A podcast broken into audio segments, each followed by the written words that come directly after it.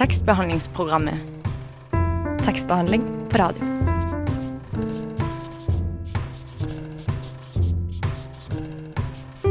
Tekstbehandlingsprogrammet.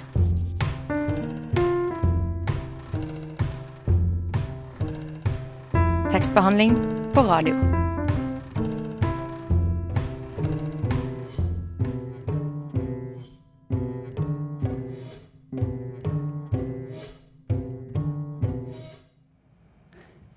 Og velkommen til tekstbehandlingsprogrammet.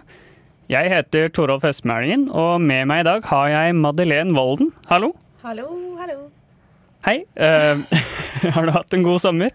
Uh, ja, jeg hadde en veldig god sommer. Hadde litt Oslo-sommer og litt nordnorsk sommer og ja. Det høres eh, kanskje litt variert ut, men jeg har egentlig gjort veldig lite. Men Ja. veldig fint, da. Ja, så bra. Hmm. Det har jeg òg. Men uh, akkurat nå så er jeg mest uh, opptatt på at vi får uh, en gjest her i studio om litt. Hun heter Jenny Wahl og er musiker, kunstner og også forfatter. Hun har ja, hun har nettopp gitt ut boka 'Å hate Gud'. Og vi skal snakke litt med henne om det. Så det gleder vi oss til. Men aller først skal vi høre en sang av Jenny Wahl som heter 'Take Care of Yourself'. Hei, jeg heter Aune, og du må høre på tekstbehandlingsprogrammet. Fordi kunnskap og viten, det er det mest vidunderlige på denne jorden.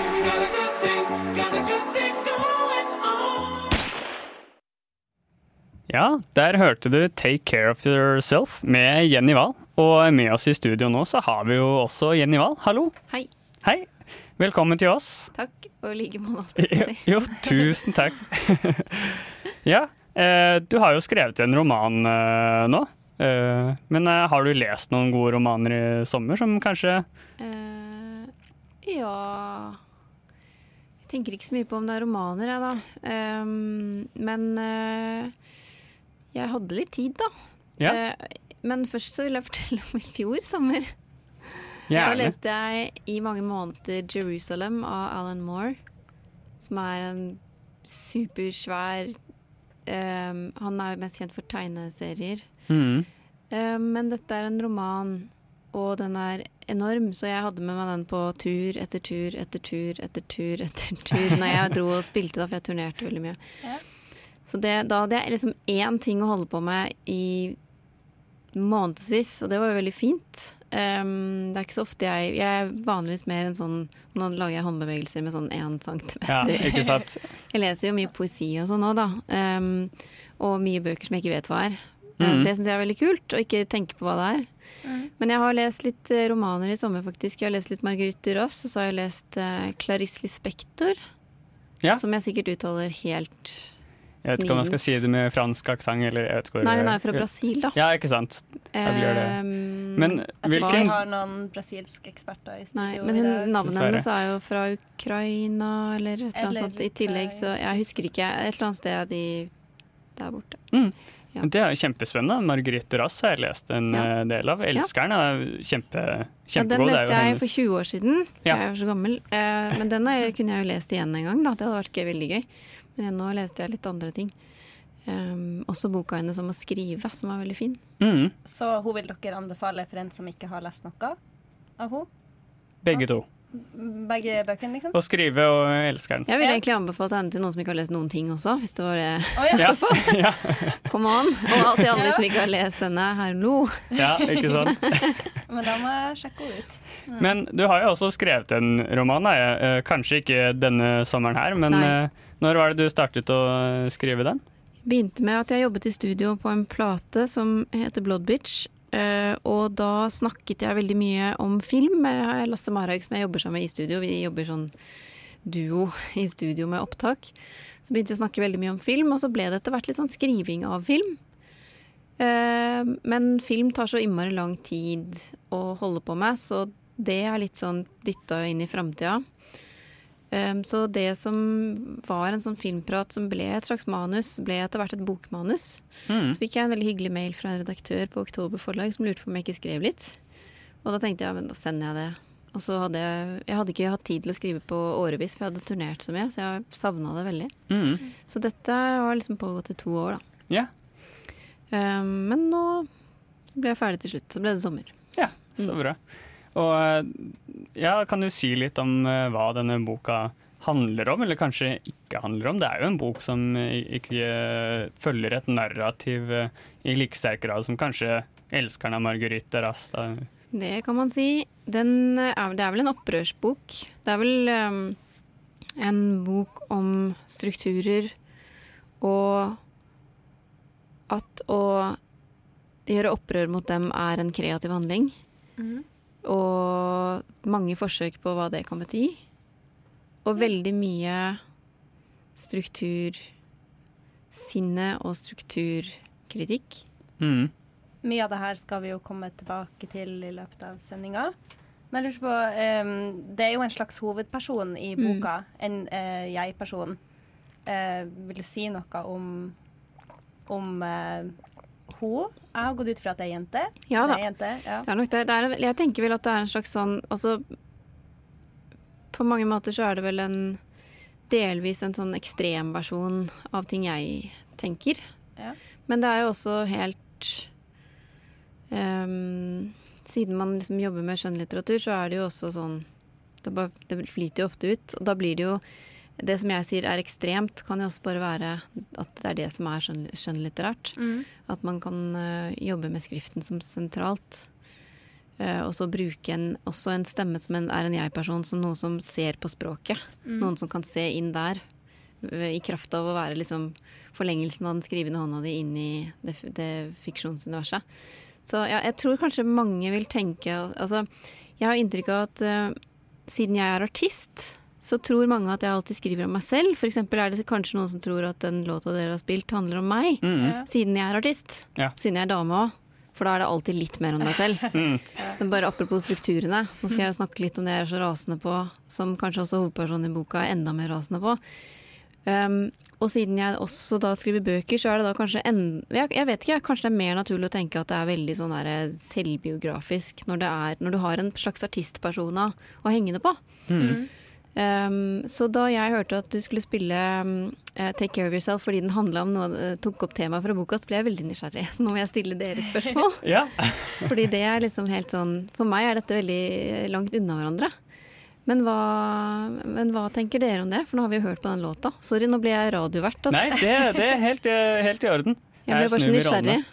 Altså, jeg tenkte litt at Fordi det er, eh, det- er jo litt sånn uh, strukturkritikk i uh, den, uh, i den sangen nå. Mm. The, Are you taking care of yourself now? Det var ikke akkurat det jeg skulle Men det, det er en forventning, i hvert fall. Ja, ja. ja om, om kvinner at de skal føde babyer og de skal være flotte Mm. å se på og sånne ting, som, som sangen tar opp Mm. i en viss grad. Og det gjør jo også boka òg. Boka Eh. er vel kanskje Ja, jeg tenker jo at det som er gøy med boka, var jo å ikke skrive hva man skal, men å skrive Mm. alt det man ikke skal. Så det er veldig gøy at du sier, da. For det, eh, og den låta faktisk handlet jo i utgangspunktet om eh, menn. Ja. Eh, men jeg byttet Vi hadde en lang debatt i studio, for det er, det er en tekstlinje i låta som, som, som hvor, hvor jeg i låta sier 'and I grab my cunt'. Dette har jeg lov til å si på radio fordi jeg er i Norge. Hurra! um, og Men det var egentlig Dick. Ja. Men så var det sånn ah, Det er jo Dick i uh, ah. låta òg. Ja, det er det. Mm. Det er det. Vi har begge deler. Ja. Her er vi, vi balanseorientert. Mm. Um, men i hvert fall Ja, bla, bla, bla, bla. bla. Men i hvert fall så, så, måtte jeg, så bytta jeg, for vi fant ut at det, var, det, det er liksom det er finere å synge kønt enn dick. Mm. Det er et finere ord. Ja. Så da bytta vi. Ja. Så da ble det en kvinnelig hovedperson. Ja. Men, men um, ja, boka altså, den, den går jo kanskje da videre litt fra den Apocalypse Girl-plata, Mm. som jo også som tar for seg veldig mye om hva verden sier til deg. Nå er liksom sånn 'Jeg hater Gud'-boka er liksom sånn 'Nå snakker jeg tilbake, din jævel'. Mm. Um, og jeg har en del å si. Ja. Nei da. Altså, ikke som i jeg, som, som om det er en pamflett, men som i en hovedperson, da. Ja. Nå tror jeg vi skal høre en eh, sang av eh, Marina Rosenfeld, som du har Ja. eh, valgt ut. Ja. Kan du si litt Nei. kort om Nei, Nei. da bare hører vi det. Ja. Den er fin.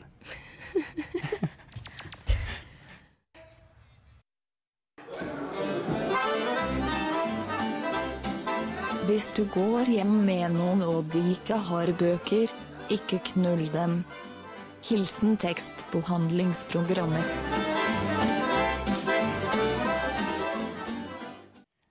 Ja, velkommen tilbake til eh, test tekstbehandlingsprogrammet. Der hørte du eh, Marina Rosenfield med 'Hey girls, it's not an issue for you'. Og så står det prikk, prikk, prikk her, men Ja, for det er fra et stykke som heter Teenage Lontano. ja. Så det er vel derfor det står det, alle de tingene i parentes. Men jeg tror, Mm. det, tror det er et stykke Hun er jo en amerikansk komponist. um, så jeg vet ikke om du hørte henne, bortsett fra lydbearbeidelse der. Uh, sånn, det er ikke hun som synger, tror jeg. Nei. Det er en Uh, Jeg tror det er det prosjektet hvor uh, det er en gjeng med tenåringer som lytter i headset på ting og synger med. Mm. Eller at det, det er basert på hvert fall det. Ja. Så det er derfor det skjer så mye eh, veldig veldig fint som er veldig rart. Samtidig som det plutselig kommer en sånn yeah, yeah, sånne ting. ja, det er litt magisk. Ja. Ja, eh, du har jo, Vi snakket jo litt om handlingen i boka, eller mangel av handling eh, i boka di eh, i stad. Men eh, en ting som går igjen i romanen, er jo hekser og, og ritualer. Hekseritualer og sånn. Hvilken rolle har heksene spilt eh, i boka her? Eh, Jeg tror at ehm, på en måte så er Altså en, en del av skrivingen for min del, eller en, en del av det boka for meg handler om, er litt sånn bearbeidelse av hva jeg tenker om kunst, og hva jeg tenker om at jeg har utøvd det også, mm. eller holder på med det. Og noe jeg har blitt veldig opptatt av også i musikk, og særlig når jeg spiller konserter og sånn, er det, det rituelle i framføring av ting, eller utøvelse, eller improvisasjon, eller Mm. så, um, så det er vel noe derfra Altså som en sånn slags erfaringsjournal. Så er det vel eh, både ting jeg har gjort og ting jeg ikke har gjort som jeg har funnet på, men ting som på en måte krysser hverandre i, i, i, liksom, i fantasien. mm. Over grensen fra, fra det som jeg føler jeg har tenkt på, og fordi jeg har opplevd det og, på scenen f.eks., og det som jeg aldri har opplevd, men som jeg har tenkt på at kunne vært en mulighet. Da. Det er jo det jeg syns er liksom noe av det flotteste med å drive med kunst, at du faktisk får vist folk den muligheten for det som ikke skjedde, men kunne skjedd. Også liksom i hverdagen, eller um, Og bøker er jo liksom en veldig sånn uh, um, intim form for det, da, der hvor én leser kan sitte og se disse tingene utfolde seg bare med en flate, en bok. Mm. Um, men um, heksene Heksetematikken dukker vel litt opp fordi at um, det er jo faktisk en definisjon altså Hvis man ser på hekselitteratur, og det skriver jeg vel også i boka, at en definisjon av heksen som på, på en måte kan summere opp det hele i den kristne um, litteraturen rundt dette her, er at heksen hater Gud. Ja. Det er liksom det, hun er et sånt symbol for Nå sier jeg hun, da, men det har jo ikke bare vært kvinner. Men det har vært mye brukt som en slags sånn uh, måte å ta samfunnsopprør på, og da særlig kvinnelige figurer som setter seg mot makta. Ja, for du, ja, fordi man Nei, unnskyld. nei, for du ramser jo opp i boka Ja. en rekke typer kvinner som historisk sett har Ja, ja. laga problemer for Ja. makthavende, Ja. da gjerne menn. Mm. Og det er jo veldig Men ikke hvem som helst av menn, Nei. skal sies. Det jo, Nei, nei. Vi snakker jo her om makta og Gud og Det er ikke Ja. alle menn som har vært Nei, kongen opp igjennom. Nei. men, men ja, Men- det er jo symbolsk. Altså symbolsk så er det jo um, så, så ligger det jo ting i det, og det har jo også vært uh, da forbundet veldig mye liksom Denne såkalte kvinnelige naturen har jo også da blitt relatert til eh, blasfemi og urenhet osv. Så, videre, så, så, um, så dermed så blir heksen for meg da i boka en opprørsfigur.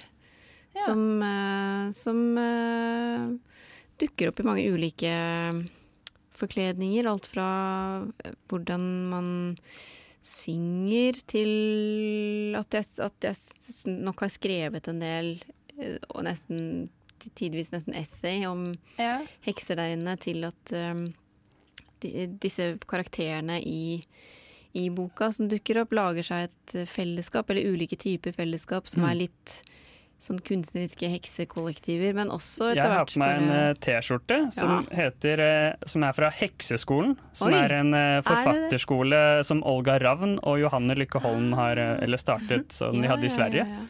Så eh, det er en utbredt eh, Mm. ting med hekser og, og opprør og mm. sånne ting.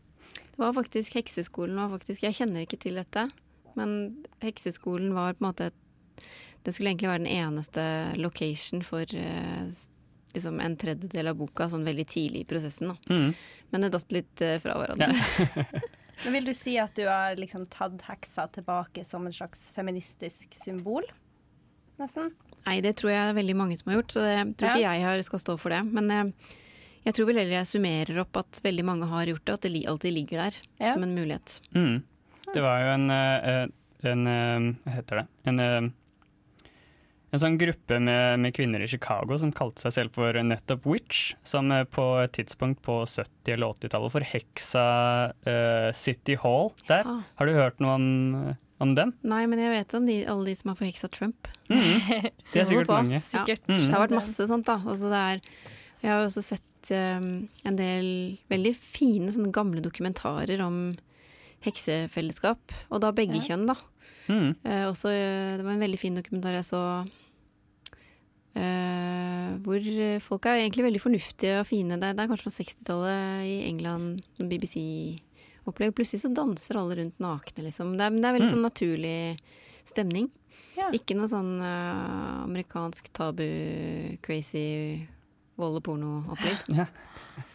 Kult. Nå tror jeg vi skal høre en uh, ny låt, og har du lyst til å si noe om uh, den neste sangen vi skal høre? Hvilken er det? Det er Laura Jean med Ja. 'Girls on the TV'. Ja, hun er venninna mi, hun fra Australia. Men hun lager også veldig fin musikk. Hun er kjent eh, siden jeg bodde der. Jeg bodde der i 2000 til 2004. Mm. Um, og Laura var vel noe av det beste jeg fikk med meg fra, fra den tida. Um, men uh, ja, altså jeg hadde, jo, jeg hadde jo lyst til å ha med tre, tre låter når jeg skulle til et program som hadde 'Girls' i tittelen, da. Mm. For å ha litt sånn jentefellesskap. Og her er det liksom et sånt uh, uh, Veldig sånn fint søster-slash-band-fellesskap. Veldig sårt og nydelig i denne låta.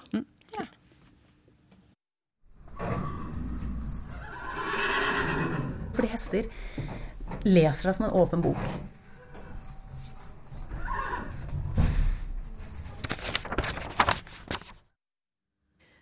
Jeg må bare først si hei og velkommen til boka mi. Uh, vi er nå på begynnelsen av boka mi. Um, og jeg-personen studerer film. Derav det jeg skal lese nå. I filmfagene lærer vi at Citizen Kane er verdens beste film. Og etter den kommer alt som Tarkovskij og Bergman har laget. Vi lærer ikke om undergrunnen. Vi lærer at det ikke er bra å være primitiv og tegne med for tjukk pensel. Vi lærer ikke hva en tjukk pensel er.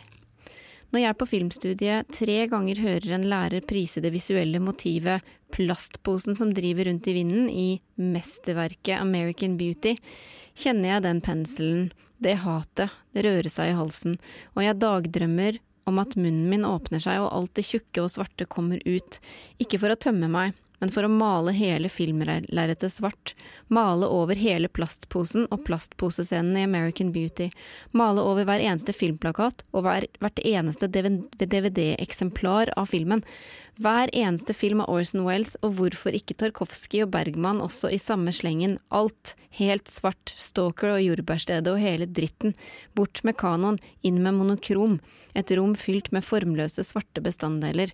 Hatet er ikke subtilt, men det er vakkert. Hatet er min pleasure dome. Ja, det her med eh, å male eh, allting svart, eller å gjøre ting svart, det er jo noe som du har nevnt flere ganger i boka. Mm. Eh, det er veldig fascinerende bilde på følelsen hat.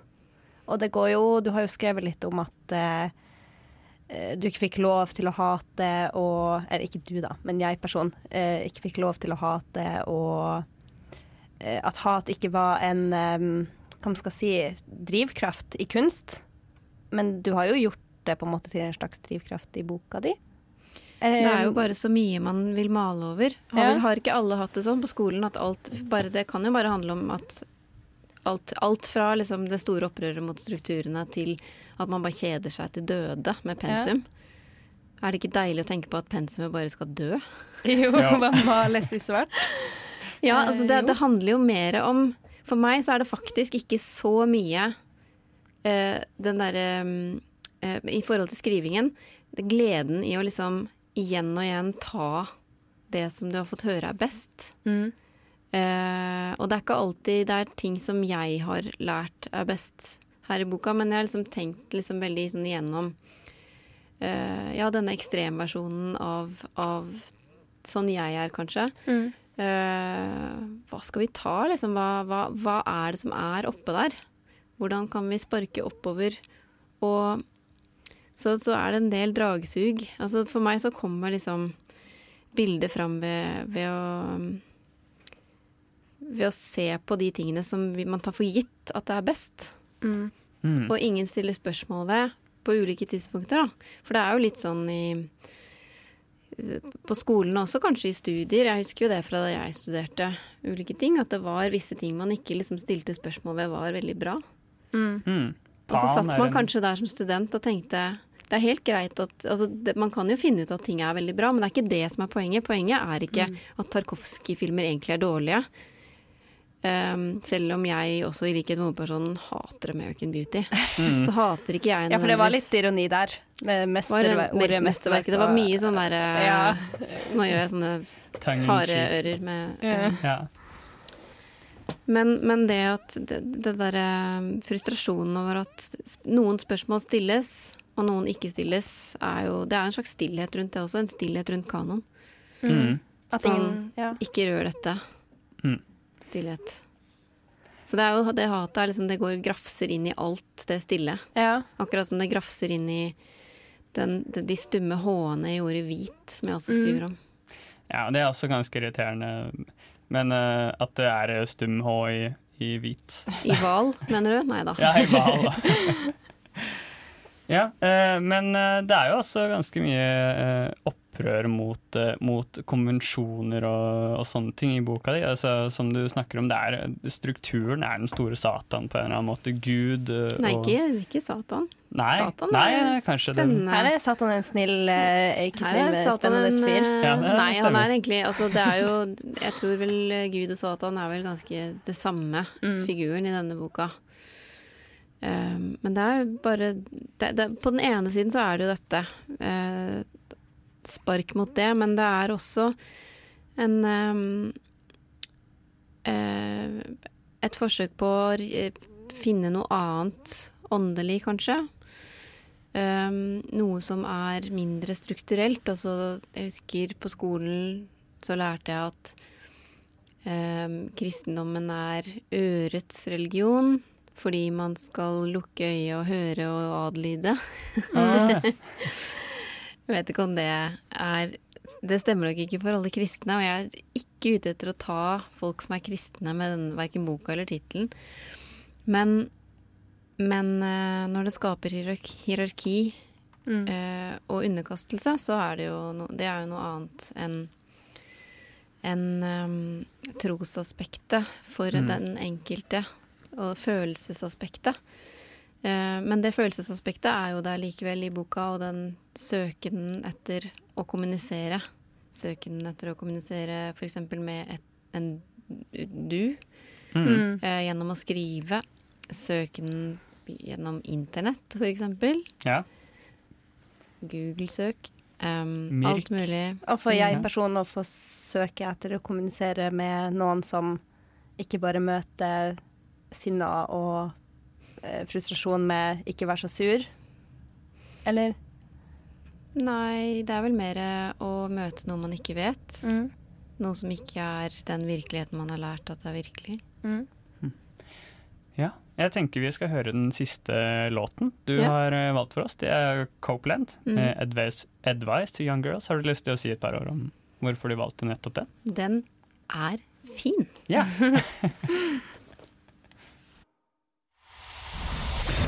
Radionova er best. Alle andre er tapere. Radio Nova.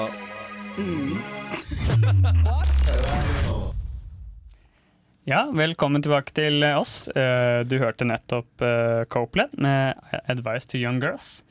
Eh, Jeg tenkte vi skulle snakke litt om sjangeren til eh, boka di. Fordi eh, på, eh, på eh, hva skal man si, tittelbladet her så står det jo at det er en roman.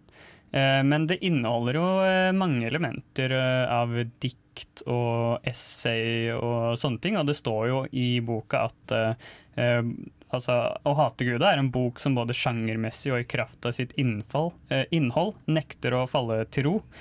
og har du prøvd å, å treffe en slags sjanger med den boka her, eller har det nettopp vært det som har vært Altså å ikke gjøre det, som har vært prosjektet, på en måte?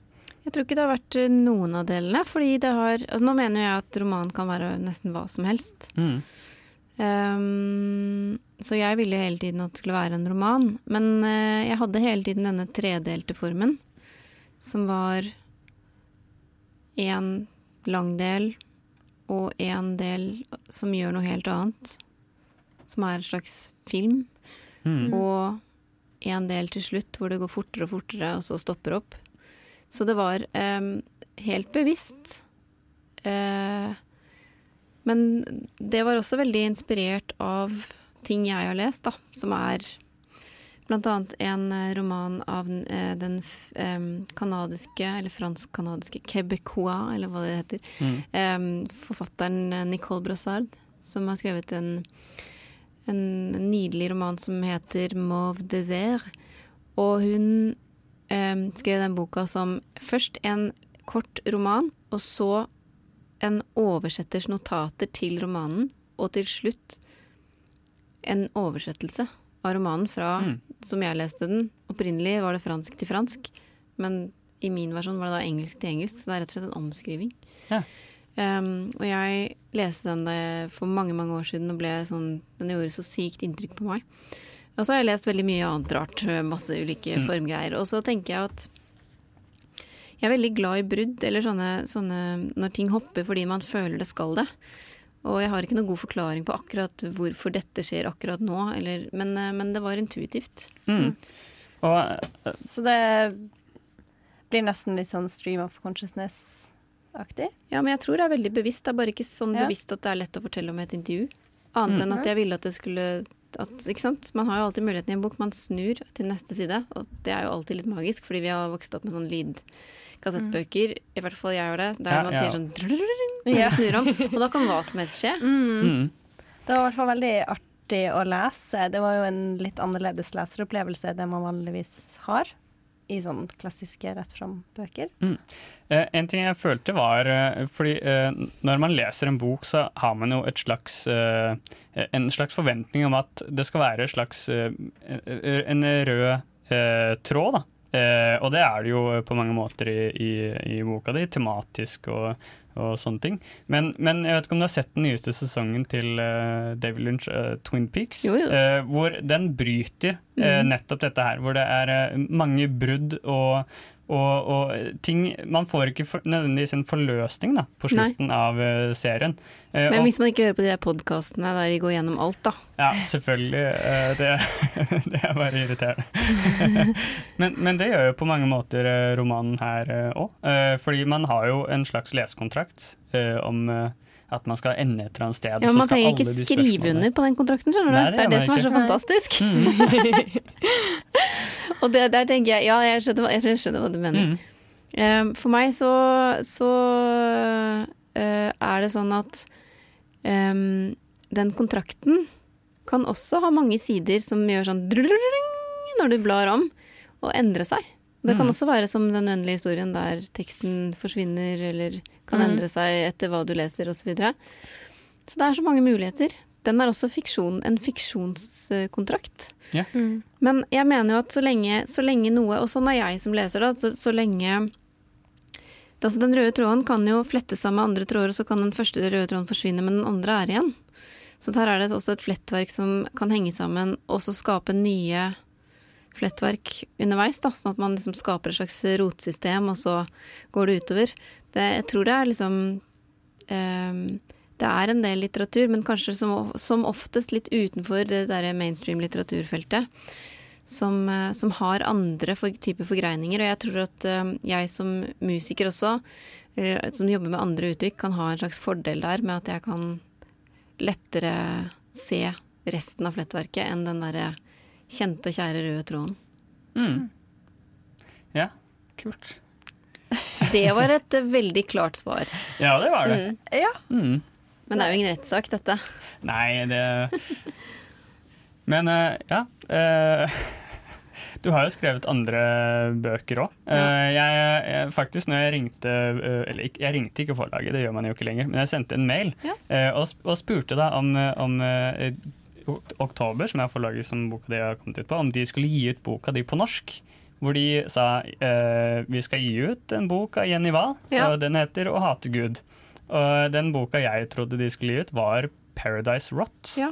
Eh, det er ikke samme roman, er det det? Nei. Kan du fortelle litt om den? Den Det er Perlebryggeriet, som jeg ga ut på, på norsk i 2009. Ja! Den har bare fått en eh, litt annen tittel. Mm. Fordi jeg syns at Perlebryggeriet var en litt kjedelig tittel. Så jeg lagde en ny en da den engelske utgaven skulle komme. Ja. Det var for øvrig den, e- det eneste jeg gjorde av oversettelse, bare så det er sagt. Ja. Jeg, kan ikke, jeg er ikke så god i engelsk, rett og slett. Um, det var et uh, engelsk-amerikansk forlag som uh, kjøpte rettighetene og skal gi ut Perlebryggeriet. Mm. Så den kommer forvirrende nok ut nå i, om en måned. Ja. Så, og det er, jo veldig, det er jo veldig kult, det, men det er litt forvirrende fordi jeg også gir ut en bok Ja, på på sant? norsk. Og det er Ja, og veldig mange tror jo da Altså veldig mange i utlandet tror at det er min første bok, og at jeg har skrevet den nå. Mm. Så da blir forvirringen er total. Men det er heldigvis ikke akkurat Det er a small step for mankind, for å si det sånn. Ja, det er, forvirringen eksisterer kanskje blant 500 mennesker, liksom, maks. Inkludert meg selv. Og meg. Ja. Ja. ja, da tror jeg vi skal høre uh, The Camel Toes med 'Dama runka' også. Ja. Det er en sang som jeg har valgt. Ja, eh, der hørte du The Candle Toes med 'Dama runka' også. Eh, og eh, kanskje du kan lese et lite utdrag fra boken din eh, for Kanskje jeg oss nå? også kan runke? Ja. Ja. Eh, det er jo en form for eh, Nei. Em, velkommen til boka igjen, da.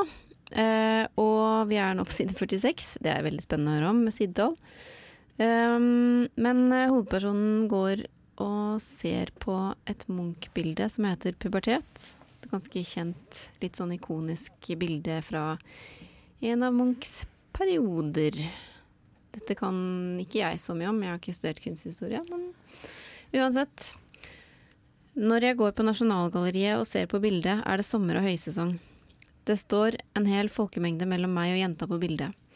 Gallerirommet er så fullt at jeg en lang stund bare ser hodet hennes, og hun framstår som påkledd. Helt framme ved bildet blir inntrykket motsatt. Det gjør vondt å se på den nakne kroppen inne blant turistenes konstante knipsing og, og prating.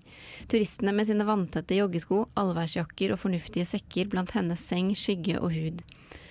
Det føles pornografisk på et vis, et bilde på den kommersielle utbyttingen og innstendige bevaringen av malerier med nakne unge kvinner som motiv, dette vi kaller kunst. Men kanskje jenta fra pubertet, og alle nakne unge kvinner fra alle malerier egentlig sitter og hater. Hater maleren, hater det kjedelige, traurige livet, hater kongen og presidenten og biskopen og statsministeren og forfatterne og samfunnet og sin egen plass i det. Kanskje det ikke er en skygge som klatrer oppover veggen bak henne, men røyk fra hatets selvantennende, okkulte bål.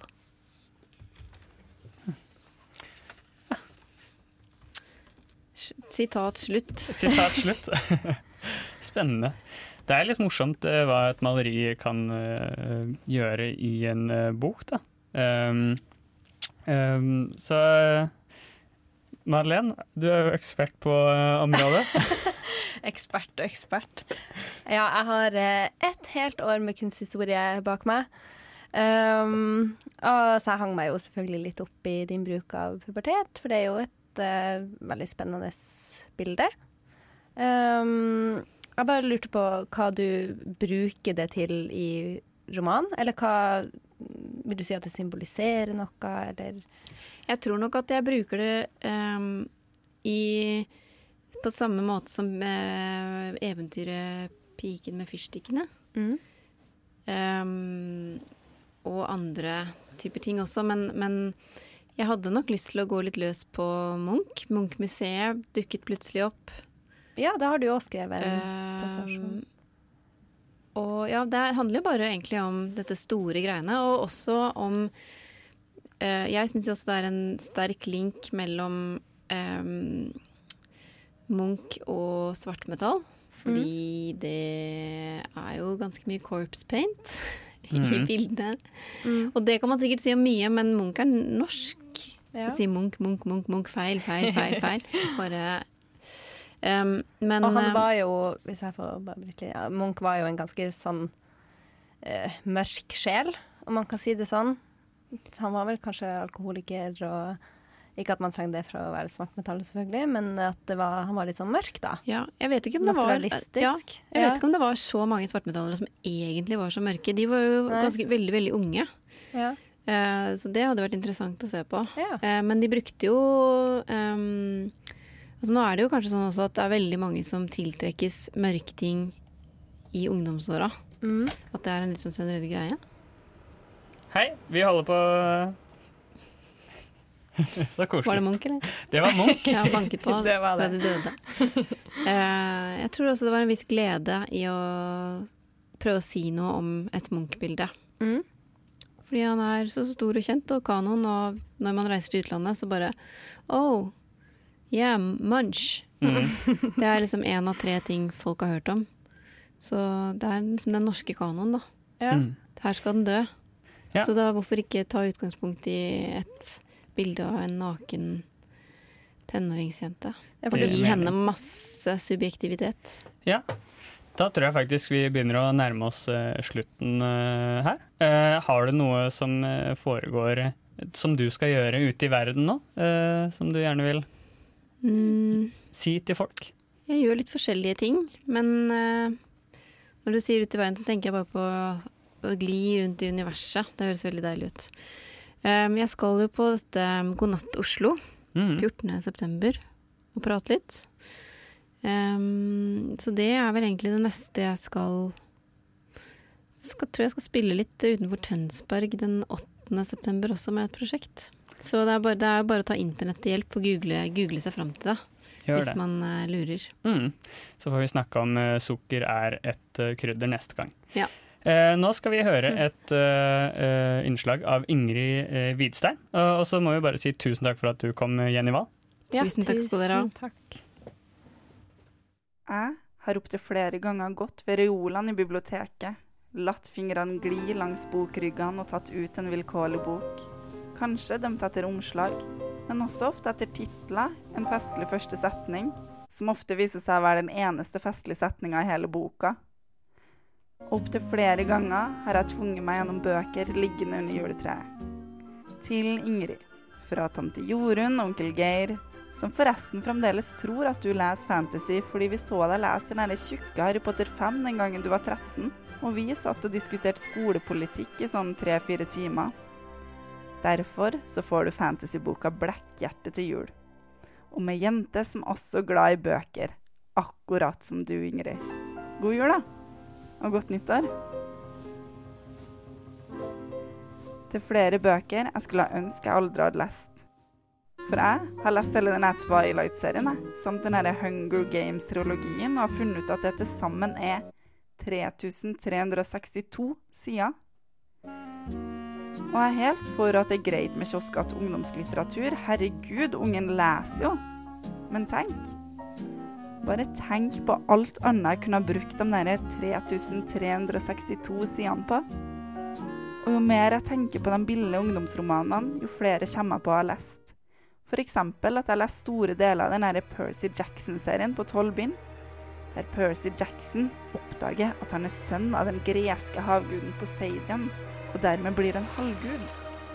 Percy blir sendt til halvblodsleiren, hvor han og de andre halvgudene er beskytta mot onde monstre. Men den alltid like overbevisende blurben på baksida av boka. Likte du bøkene om Harry Potter, kommer du til å elske Percy Jackson. Spar meg. Men med lefsene av Percy Jackson kan vi i hvert fall legge til en god 500 sider. For ikke å snakke om Det gylne kompass-trilogien, som til sammen er på 1364 sider. Den oppmerksomme lytter vet sikkert allerede at vi er oppe i 5206 sider. 5206 sider. 5206 sider jeg kunne ha brukt på noe helt, helt annet. Jeg kunne f.eks. lest alle bindene av På sporet av den tapte tid av Prost, og fremdeles hatt 991 sider igjen. Eller så kunne jeg lest Krig og fred 4,2 ganger. Eller så kunne jeg lest Don Quijote, Forbrytelse og straff, Anna Karinena, Stormfulle høyder, Faust og Iliaden og Odysseen. Og fremdeles lest Ulysses, Prosessen og fått plass til Den gamle mannen og havet i tillegg. Og som 13-åring så kunne jeg seilt belest ut i verden på en flåte av kultur og kunnskap ingen annen 13-åring kunne ha drømt om. Og så skulle jeg lent meg over ripa på flåten, som forresten består av bokryggene til alle bøkene jeg har lest. Og så skulle jeg speila meg i havet av verdens litteratur.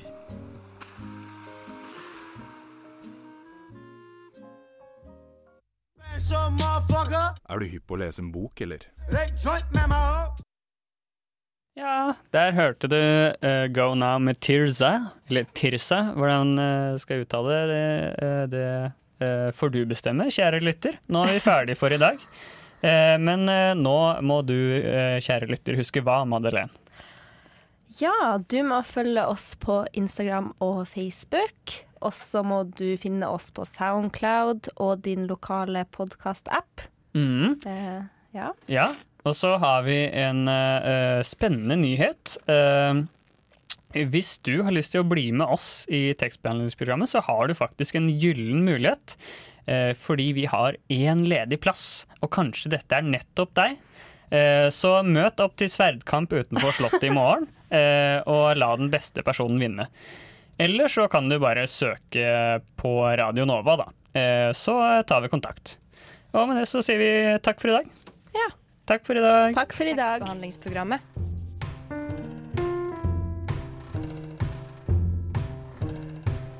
Tekstbehandling på radio.